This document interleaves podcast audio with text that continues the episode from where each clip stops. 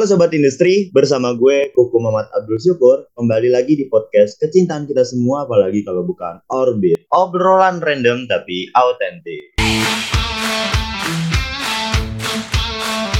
Ngomongin soal ngerantau, tentunya banyak hal yang buat kita perlu yang namanya beradaptasi. Entah itu beradaptasi dengan budaya tempat kita merantau Dengan kebiasaan diri kita sendiri juga tentunya Dan beradaptasi dengan lingkungan sekitar kita karena banyak hal-hal yang sebelumnya belum kita tahu dan kita belum terbiasa dengan hal tersebut. Di episode kali ini, gue kedatangan tamu yang pindah dari kota asalnya untuk studi ke Jakarta.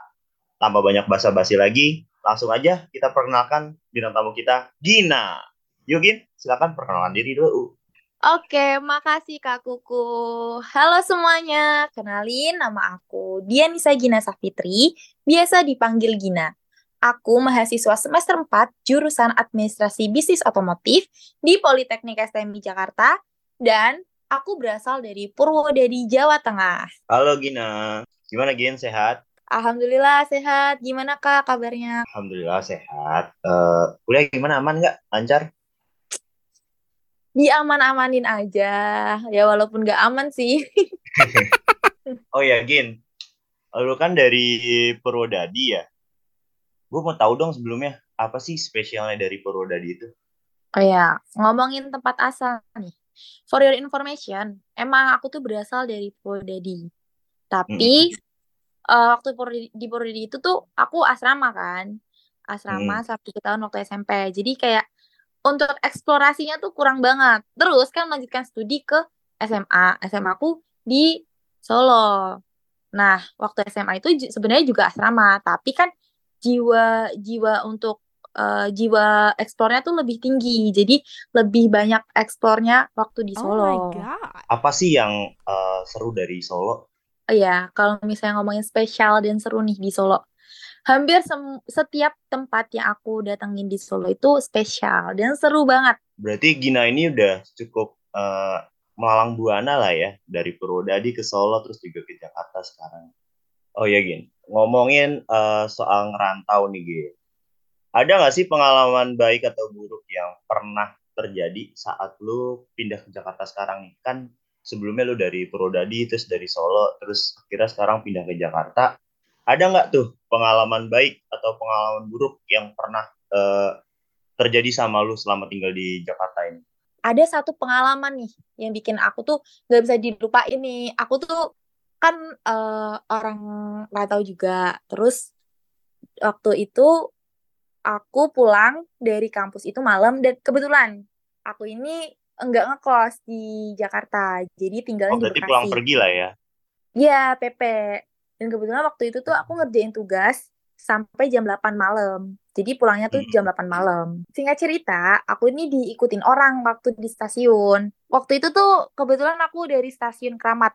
Oh, Keramat. Oke. Okay. Mm -mm. Tapi biasanya aku dari Klender atau dari Sentiong sih. Hmm. Tapi kebetulan waktu itu, kebetulan banget waktu itu tuh di Keramat gitu kejadiannya. Habis itu kan aku kan uh, ya kayak ya paling orang itu cuma ngelihat biasa gitu. Ya kan? Singkat yeah. cerita, ternyata tuh dia ngikutin aku sampai masuk ke gerbong. Dia tuh kayak minta nomor HP ku, tapi aku tuh nggak ngasih kan sebelum masuk ke kereta. Akhirnya dia ngejar aku sampai ke gerbong-gerbong depan. Nah, selama kita ngelewatin beberapa gerbong, itu kita tuh nggak nemu petugas kereta. Jadinya saat mau di kan di gerbong itu kan ada gerbong khusus wanita kan yang paling yeah, ujung yeah, sana yes, yes. sama paling ujung sana. Nah, hmm. hampir masuk ke gerbong wanita itu kita ketemu sama petugas KAI alhamdulillahnya. Terus kita lapor lah di situ, kita bikin laporan dulu. Setelah itu kayaknya petugas keretanya itu ngabarin ke petugas yang lainnya. Akhirnya uh, si bapak-bapak tadi yang ngikutin kita nggak hmm. ngikutin kita sampai uh, gerbong yang sebelum yang khusus wanita itu, gitu sih.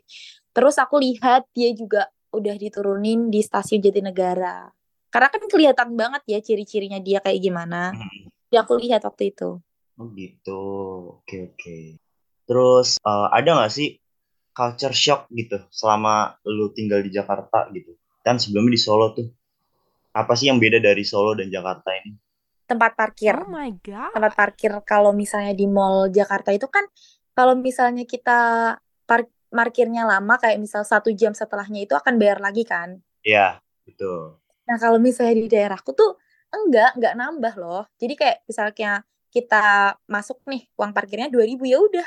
Sampai kita mau berhari-hari pun di mall itu tetap 2000 bayarnya. Gak bakal nambah. Oh gitu. iya makanya di sini kayak agak rugi gitu kalau misalnya mau nonton di mall terus akhirnya di mallnya itu. Jadi kayak rugi banget. Bayar parkirnya mahal ya say.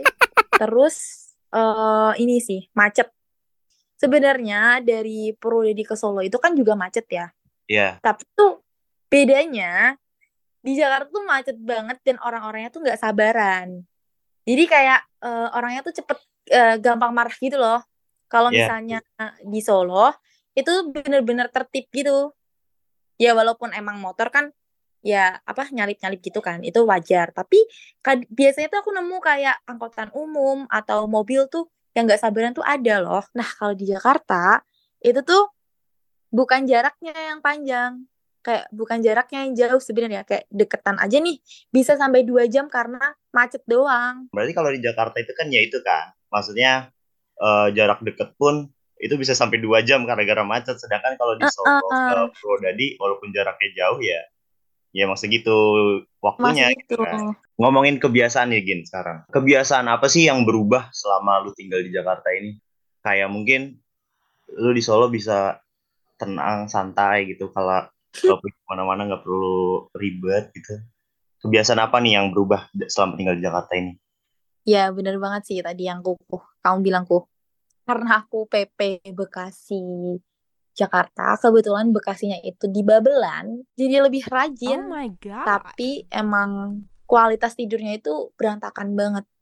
Kayak kan aku kan pulangnya malam nih, tidurnya paling jam 11, 12 gitu. Bangunnya jam 3 buat siap-siap segala macam. Beres-beres dulu. Habis itu mandi, terus berangkat jam 5 pas.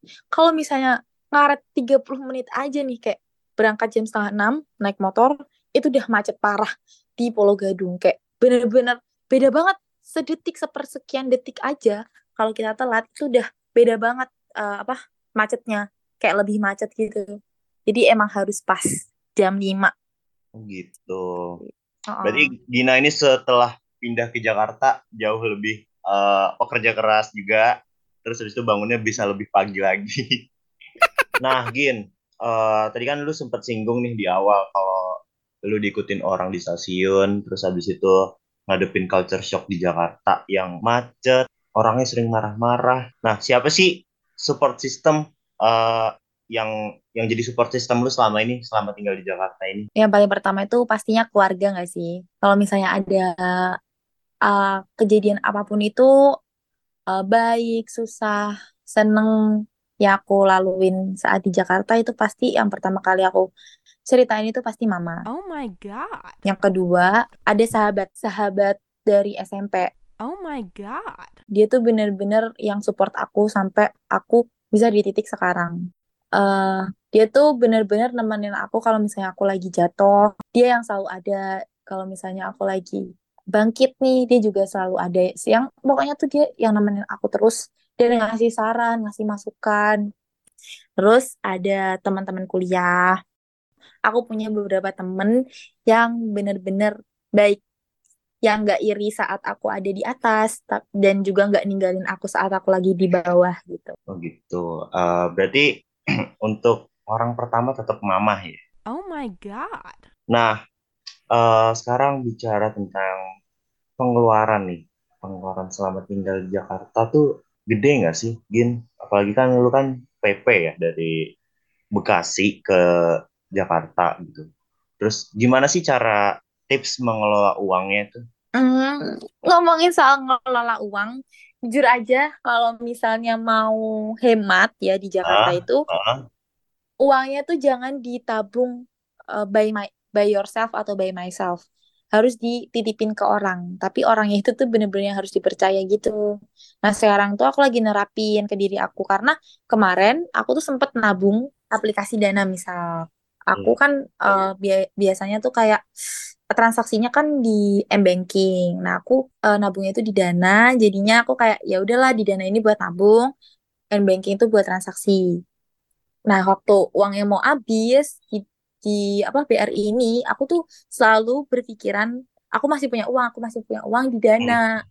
Jadinya tetap keambil tuh tabungan. Makanya jangan sekali-kali nabung, nabung uh, di diri sendiri.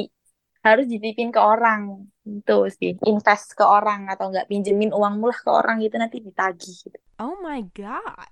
Ini menjadi alasanku untuk uh, nyari tambahan uang tadi. Sebenarnya itu aku sekarang lagi magang di salah satu perusahaan startup dan itu kadang dapat uang uang transport, uang jajan walaupun gak banyak. Terus aku juga menjadi admin di kampus kan, itu juga hmm. dapat penghasilannya per bulan gitu. Itu lumayan sih buat nambah-nambah uang jajan sama pengalaman buat di CV gitu. Oh my god. Oke, okay, thank you banget buat Gina udah mau mampir di Orbit dan gue juga mau ucapin terima kasih untuk Gina karena udah mau berbagi cerita dan pengalamannya di episode kali ini. Sehat terus dan sukses selalu tentunya untuk Gina dan akhir kata gue Kuku Mata Bersyukur pamit undur diri. See you next episode. Sobat Industri, bye-bye.